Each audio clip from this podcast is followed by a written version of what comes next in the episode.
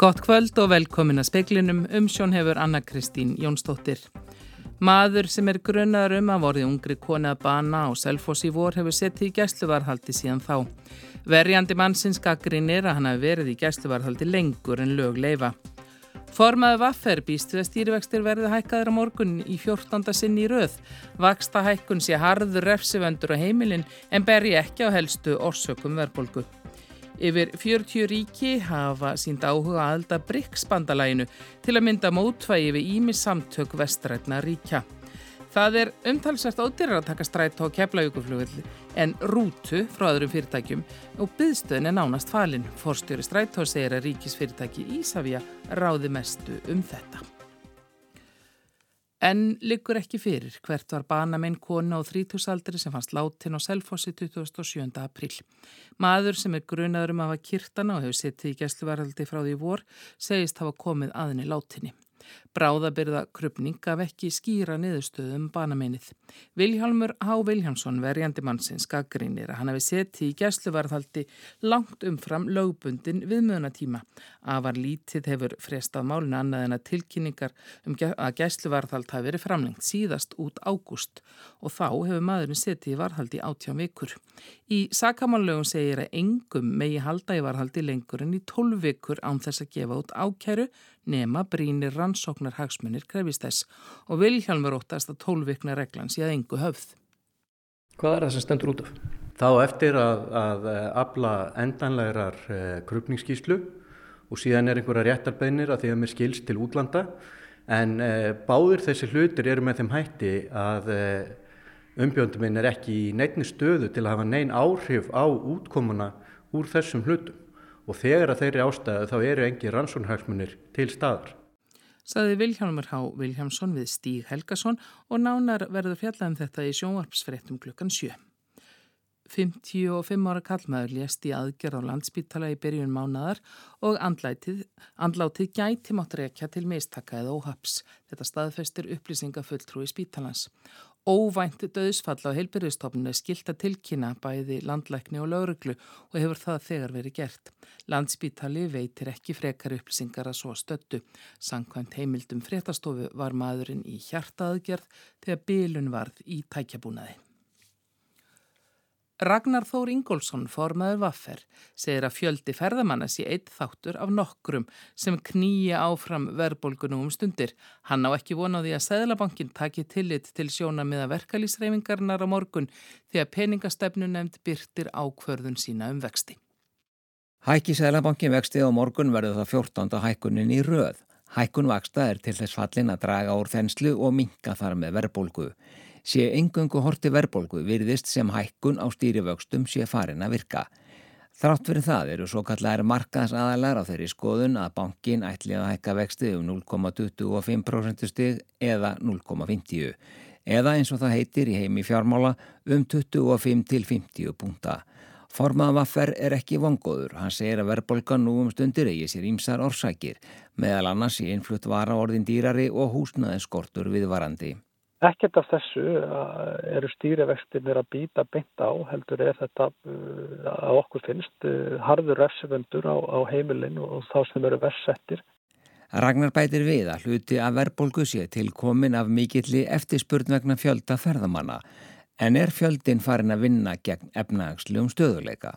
Það er alveg ljóst að það er maður sem benda til þess. Það stefnir í að hér verði komið 2 miljónir manna til landsins og það er ljóst að, að Sælabankin hefur ekki bröðist við uh, með neinum hætti eða, eða stjórnvöld sérstaklega með einhvers konar skatlækningu eða slíkt þess að, að, að uh, minka þessa þenslu. Saði Ragnar Þór Ingólfsson, Benedikt Sigursson tók saman. Reisa á útsýnispall á fjallsbrún ofan seðisfjörðar og verður pallurinn líka minnisvarði um landnámsmannin Bjólf. Þar verður gott aðgengi fyrir hjólastóla. Bjólfur, sem kallam á bæjar fjall seðfyrðinga, rýs upp í rúmlega þúsund metra hæð yfir fyrðinum norðanverðum. Af bæjarbrún, sem er í rúmlega 600 metra hæð, sést vel yfir bæin og út allan fjörð, segir Heiðdís Holmgun, Guðmundsdóttir menningar fulltrúi Múlaþings. Það er náttúrulega stórfenglitt útsýni uh, og síðan er það landnámsmaðurinn Bjólfur sem namn land hérna á Seðisfyrði Við ætlum að geta okkur til að hann að vera hegður hérna í fjallinu og hér munum við sagt, byggja honum silfur ring sem er sagt, útsýnistæður sjálfur, bauðu bjólps og verður sagt, í þvermáli um 30 metra ringur sem mun svífa hérna yfir brún bjólps og verður svolítið stórfenglega upplifun bæði út á útsýnu og síðan verður arkitekturinn sjálfur mjög merklegur. Sæði heiðdís og Holm Guðmustóttir og myndir frá bjólfi verða í sjónvarsfrettunum og eftir. Áætlaðu kostnaður við að fella 2903 í öskjulíð eins og Ísafja grefst er það ekki undir hálfu miljardi króna. Þetta kemur fram í brefi borgarstjóra til borgarraðs. Í tölun er ekki tillit tekið til landmótunar eða nöðsynlegra úrbóta. Áætlinin er gerð út frá þeim framreknaða kostnaði sem var við að fella 143 árið 2017 í samfunnu við Ísafja með tilliti til flugöryggis. En hefur ekki verið tekin ákvörðunum hver kæmi til með að borga skóarhaukið ef af því verður, en fyrir sex árum var það Ísafja sem greiti kostnæðin og gegst fyrir útbóði á því. Dagur B. Eggertsson, borgarstjóri, segir Ísafja ekki hafa nefnt það hver ætti að borga brúsan í þetta skiptið. En málið eru þetta bara ekki komið á það stig að, að við séum fann að ræða þessa hluti. Núna erum við gagnöflun og eigum vonaði að funda fljóðlega til þess að fara við sjóna með Ísafja og fleiri. Í brefi borgastjóra segir að verði trjáfellingina veruleika þyrti að leita umsagna víða til að mynda náttúrufræðistofnunar þar sem svæðið er á náttúruminja skrá. Sú vinna er komin á borð umhverfis og skipulagsviðs og búist er við að hún tæki nokkur tíma.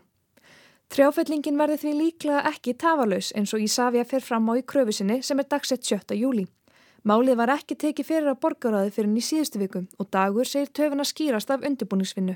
En þess fyrir að geta að þessi krafa í Savja byggir á fyrir en skýslu sem að í Savja fær í mars 2022. Þannig að það er alveg ljóst að þau hafa líka gefið sér tíma til að undirbúa sitt erindi. Saði Dagur B. Egertsson við Caritas M. Bjarkadóttur. Öllum sem sátu fastir í kláfi í Pakistan í dag hefur verið bjargað. Þeir voru fastir um borði í um það byrj 16 klukkutíma. Kláfurinn hangir í um 275 metra hæð og hefur setið fastur í um það byrj 16 klukkustundir. Daglega fara um 150 börn með honum í skólan um það byrj 1,6 km leið. Erfitt er að komast leðarsinnar um dalinn og stittir þetta ferratíma töluvert. Ferðin tekur aðeins 6 mínútur en tæki 2 klukkustundir í bíl. Áttamanns þar af 6 börn á aldrei um 10 til 15 ára voru í klópnum þegar að tveir af þremur strengjum sem hann hjekki slittnuðu á miðri leið. Herþyrlur voru sendar út og tókst fyrst að berga tveimur börnum og svo þremur til viðbútar. Kláfurinn hafði hangið í loftinu í minnst 5 klukkustundir þegar þyrlunar bara gardi. Þyrlunar voru afturkallaðar þegar rökkva tók í Pakistan. Björgunaraðgerum hefur síðan þá verið haldið áfram frá landi. Fjöldi heimamanna fylgist með björgunaraðgerunum. Ari Pál Karlsson tók saman og réttar áreitt að þremur síðustu var bjargað bara rétt í þessu.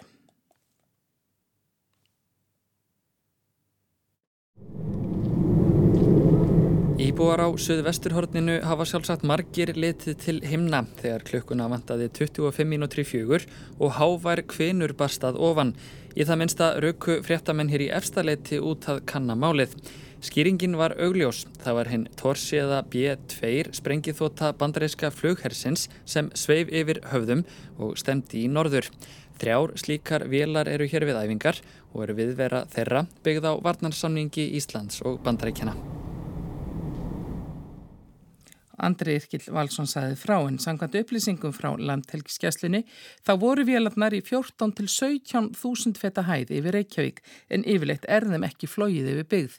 Ísafi hefur upplýst landhelgiskesslunum það að vegna anna við flugleðsögu og til að tryggja flugöryggi hafi flugleðvélna verið yfir borginni í þetta sinn.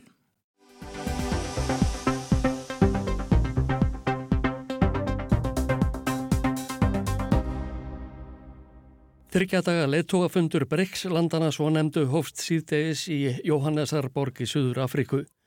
Aðildað bandaleginu eiga Brasilia, Rúsland, Indland, Kína og Suður Afrika. Leittóar fjögur að þeirra eru komnir til fundarins. Einn situr heima.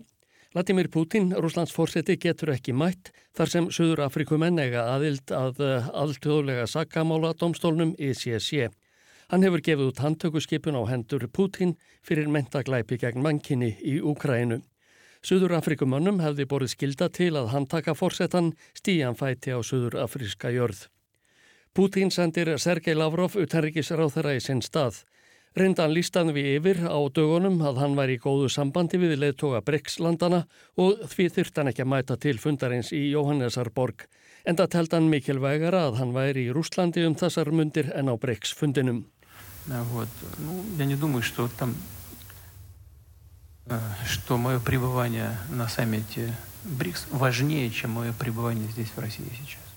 Ugg Lavrovs eru því Xi Jinping, fórseti Kína, Narendra Modi, fórsetis ráþara Indlands, Luis Inácio Lula da Silva, fórseti Brasilíu og gæstkjafin Cyril Ramaphosa, fórseti Suður Afríku mættir.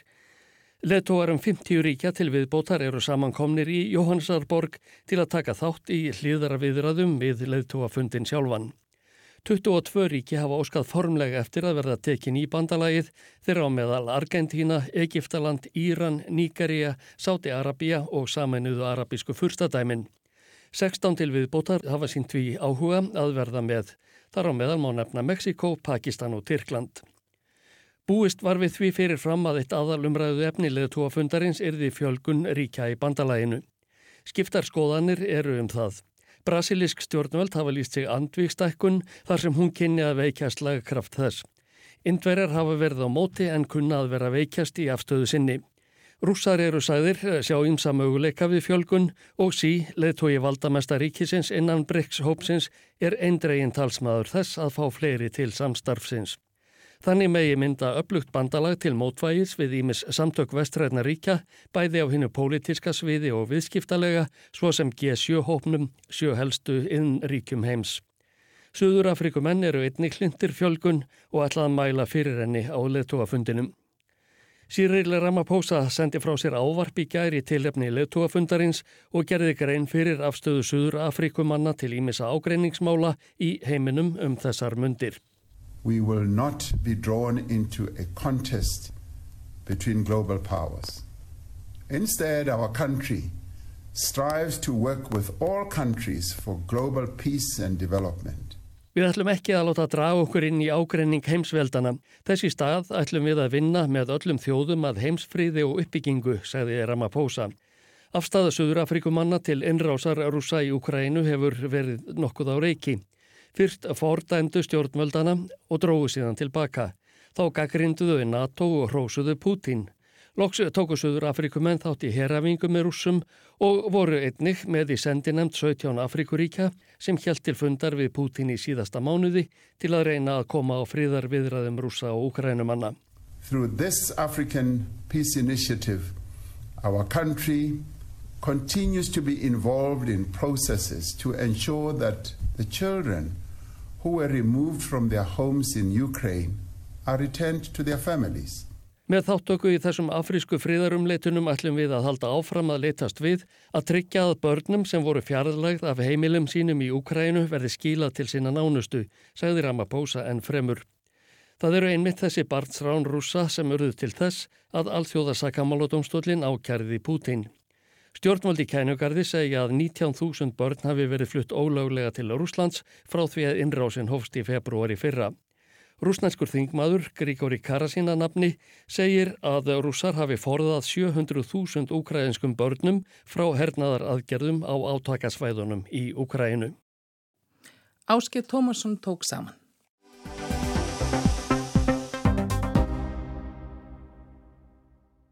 Mikil munur er á því hvort að innflytjendur sem að hefja námi framhaldsskóla ljúka námi eftir því hvenar þeir fluttu til landsins.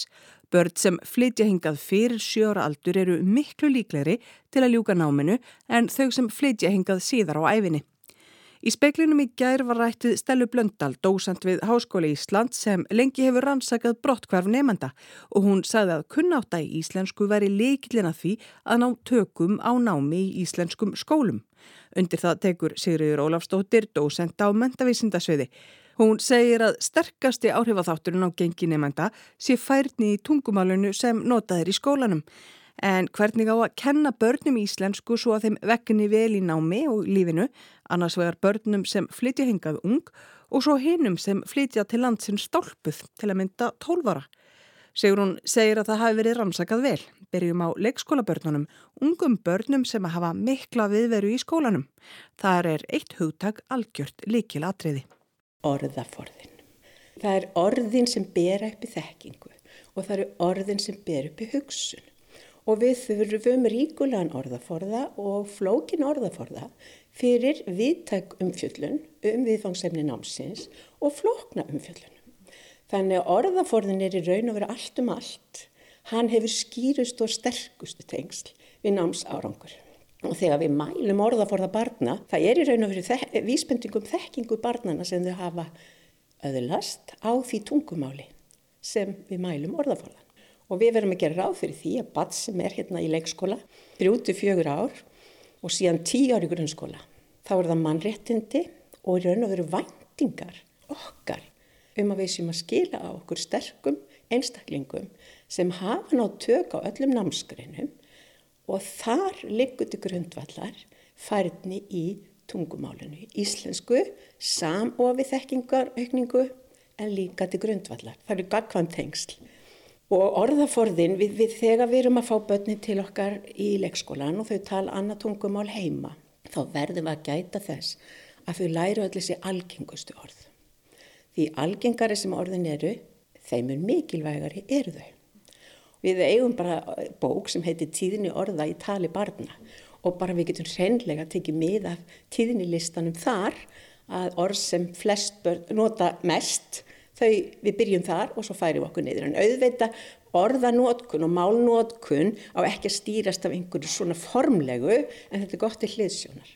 Og málnótkunin sprettur upp í frjálsum leikjabörnum, lestrastundum og þarframötugötum og námi, markusu námi. Og, en svo er það kjarni íslenska tungumálsins. Það eru orðin sem ger okkur klift að fjallum eitthvað sem er aðeins flóknara en þetta daglega. Þegar við kennum börnin til dæmis um rándýr eða fuggla í leikskólanum. Þá kennum þeim ímis orð eins og vangi og stél en við kennum þeim líka önnur orð sem eru nótuð í alls konar samhengi til dæmis næring og ummönnun og umhyggja og umkomulaus og þetta eru orð sem eru notið á öllum, í öllum tegundum texta á öllum skólastegum. Og það er annar ansóknarverkefni sem við erum komið núna, að við erum búin að draga fram þessi orð á mjög vísindarlegan hátt, þar sem við tökum mið af rannsóknum á ennsku tungumáli og þessum hópi orða fyrir ennska tungumáli og við erum búin að ræða þess eftir tíðni. Og þá erum við komið þetta tæki, við erum komið hittæki í leikskólan, tíðnjóri tali barna, við erum komið lista yfir orð sem eru kjarni íslenska tungumálsins sem ger okkur kleift líka að fjalla um myndlist að háskólastígi, verkfræði, tannlækningar, heimsbyggi. Þetta eru orðin sem við notum þegar við erum að skilgreina, hugtök, námsgreina á öllum skólastöfum og þar þarf áherslan að vera.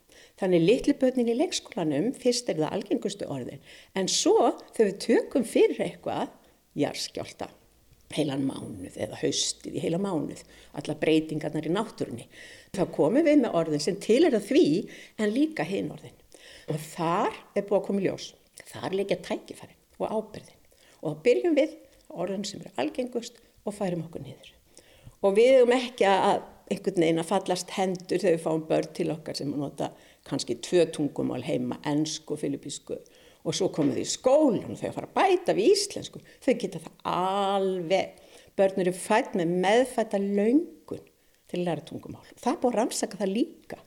Ef að barn er með, með fullornum sem segir alltaf bara bíl, bíl, bíl með alls konar bíla og svo er annar fullornin sem segir sko brunabíl og löggubíl og allt það, barni sækist í samverustundi með þeim sem gefur mörg orð En hvað með börn sem eru orðin svolítið stálpu þegar þú koma hingað? Það er alltaf með dæmi og það er búið að rannsaka þetta alveg rosalega mikið.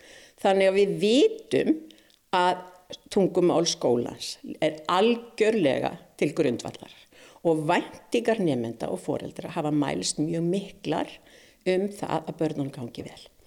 Foreldrarnir hafa kannski ekki tækifæri. Þeirra mentun er ekki metin þannig að þau eru að fara inn í störf sem eru engan veginn í samræmi við fyrir starfsreynslu og mentun. Þannig að allar vendingarnir eru settar á börnin og þetta hef ég upplifað sjálf sem kennari en líka rannsóknir segja okkur þetta. Þannig að foreldra meiri segja af lagstu stjættum sem að samfélag gerir ekki ráð fyrir að sé með neitt metnað að öðru nær rannsóknir sína að metnan er mjög mikil. Þar kvílir, kvíla væntingarnar og vonin um betra líf og þannig að við þurfum að nýta okkur þessar rannsóknir sína og það er sína, við verðum að byrja strax. Við verðum að nýta hverja einustu kennslustund. Að setja barn sem er nýkomið til landsinsinn í bekk með jafnöldrum án aðstóðar, þá er sko dýrmæti tími ekki nýttur og það er raun og veru ekki ásættalegt. Þannig að við verðum að passa upp á að barni fái markvisa kennslu í íslensku og þá alveg eins og með litlu börnin við byrjum á algengustu orðunum og ekki vann með þetta færni barnana. Þau þurfu ekkert að læra að byggjum að fá frá klósit og ensku, þurfu ekkert að nota enskuna til þess. Það er engin vandi að kenna börnunum. Strax orðið klóset má ég fara á klósiti. Og við getum kent um íslensku um að passa okkur að fara ekki bara yfir í myndrænt skipula dagsins og svo leiðis. Kennu þeim íslensku orðin. Þá er mjög mikilvægt að hafa tíðinni orðana til hliðsjónar en málnótkunin stjórnast af þeim viðfangsefnum sem er fengist við í skólanum en fyrst er það grunnurinn í íslensku og þá er algjörlega grundvallaratrið að börnin finni að hver einasta kennslustund, hver einasti skóladagur leiði til framfara. Og með því móti eflum við lífskleiði barnana, sjálfströst í námi og það er í raun og veru líkilega svo mörgu öðru og þá gefum við þeim íslensku til þess að þau geti tikið þátt í starfi með jafnöldrum og það er leiðin inn í samfélagi, íslenskan og þetta bara sína rannsóknir. Sagði Sigriður Ólafstóttir, dósend Ragnhildur Torlasís talaði við hana.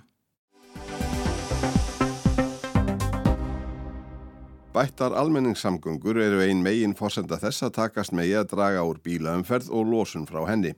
Strætó BS er stærsta almenningssamgöngu fyrirtæki landsins. Það er í eigu sveitarfélagan á höfuborgarsvæðinu og megin hlutverk þess er að halda uppi almenningssamgöngum á því svæði. Fyrirtæki heldur hins vegar líka utanum almenningssamgöngur á landsbyðinni fyrir hönd vegagerðarinnar sem er hinn eiginlegi rekstrar aðili landsbyðastrætós. Ófáir kvarta undan ófáum ferðum strætós á höfuborgarsvæðinu og þær eru enn færri út á land og úti á landi. Því hefur verið veld upp hvort ekki sé full ástæði til að fjölga bæði ferðum og áfangastöðum landsbyðastrætós, ekki sísta á þeim miklu túristatímum sem nú eru uppi. Speillin bar þetta undir Jóhannes Svavar Rúnarsson, framkvæmdastjóra strætó. Sko, við erum auðvitað ekki mörg, það er bara þannig. Eh, þetta er bara spurningin um pólitíska afstöðu. Sko, ef við verðum vilja að hafa þetta þannig að þar sem fólki er að ferðast eins og við erum að reyna að miða við hérna í höfbörgarsvæðinu, þá mætti alveg efla alminnisangur hérna til nákvæmlega sveitafélagin og þar að meðal þá til, til Söðunisja. Eh, þar er fólk að ferðast á milli og, og hérna hefur oft kallað eftir aukinni tíni og aukinni þjónustu. Þannig að að betri þjónusta, hún mun skila betri og ánaðri viðskiptavinnum, það er ekki spurning.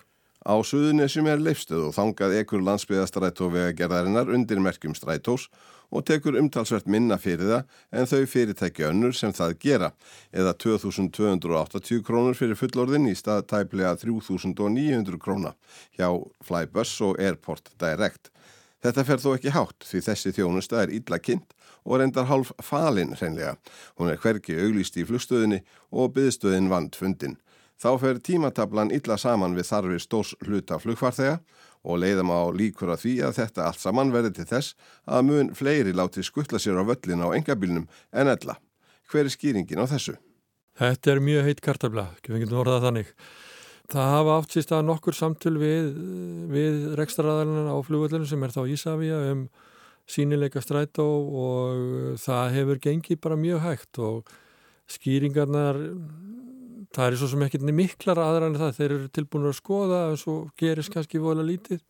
Þeir eru búin að setja okkur inn á heimasíðin okkar undir samgöngur en uh, meira er það nú ekki mikið meira og það er kannski vegna þess að þeir eru að fá miklar tekjur af þessum rútufyrirtækjum sem að fá að fara upp að flugstöðinni hins vegar ef að strætó ætlaði að vera þjónustæðili sem að myndi geta sint eh, aldrei kannski öllum ferðamönnum en vera allan að velgmögulegi þá þurftu auðvitað að bæta verulega í og þá eru við bæta að tala um tíðni, starðvagna og, og þar alveg er það miklu meiri kostnæður en, en að móti kemur alltaf einhvers konar tekjur. En þetta er svona, já, þetta er svona bara pínlíti ákvörðun í Savi að, að hafa þetta svona, þeir stjórna þessu svæði hérna alveg frá aðtilega. Það sem að líka hefur komið aðeins inn í þetta er það að það er í samkeppnislögum að ef, einhvers, ef að er samkeppni um eitthvað þá sé ekki alveg sjálfgefið að, að ríkisfyrirtæki geti komið með samkeppni niðugreita samkeppni eins og náttúrulega almenningssangur eru. Þannig að þetta er kannski pínulti floknara að, að þarna er samkeppni að mati aðila sem að greinlega ráða og þar að leiðandi vilja er ekki auka veg niðugreiti þjónustuna sem er almenningssangur almenningssangur bæði á höfuborgsvæðinu og landsbyrni eru náttúrulega töluvert niðugreitar af þá þeim sem ábyrðarlega sem er reykar og stræta á í höfuborgsvæðinu er 70% niðugreitar af, af sveitafélagunum á ríkinu. Og ég þekki ekki hlutvallin aðeins vel í landsbyrni það eru örglega ekki minna. Í áskíslu Strætó BS sem nú heitir reyndar hennu virðulega nafni sjálfbærni skísla segir að byggðarsamleiði sé leiðandi á sínu sviði þegar litið sé til sjálfbærni og umhverfismóla og að stöðuð sé leita leiða til að minka kólefnisspori í allri starfsemi félagsins.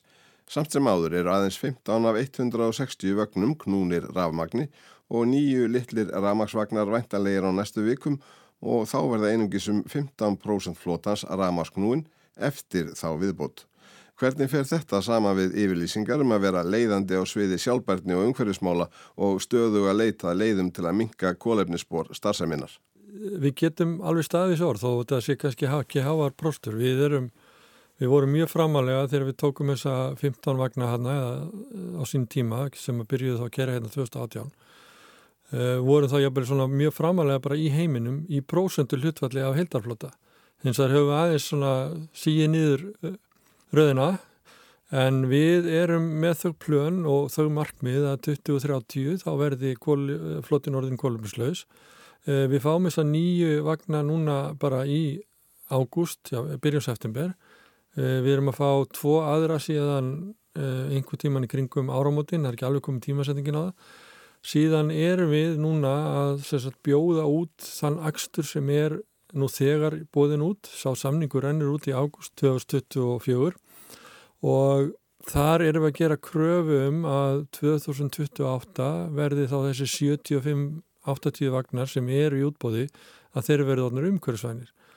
Og þá að milli dagsins í dag og 28 þá stefnum að því að það sem eftir er að flottanum hjá strætó verði orðin umhverfisvæn þannig að við teljum allavega ef ekki verður eitthvað stórvæðilegt áfallir í efnagslínu að þetta markmiði í alveg að nást auðvöldlega. Er það búin að gefa metanvagnar upp á bátinn? Já, við ekki kannski gefa upp á bátinn en við erum ekki að sjá það sem neitt framtíðar orkugjafa í, í strætóum. Við, við höfum keift fjóra nýja metanvagnar núna sagt, síðustu fjórum árum og reynslu okkar af þeim er, er bara ekki nægilega góð til þess að við getum sagt að þetta sé eitthvað sem hægt er að stóla á til framtíðar.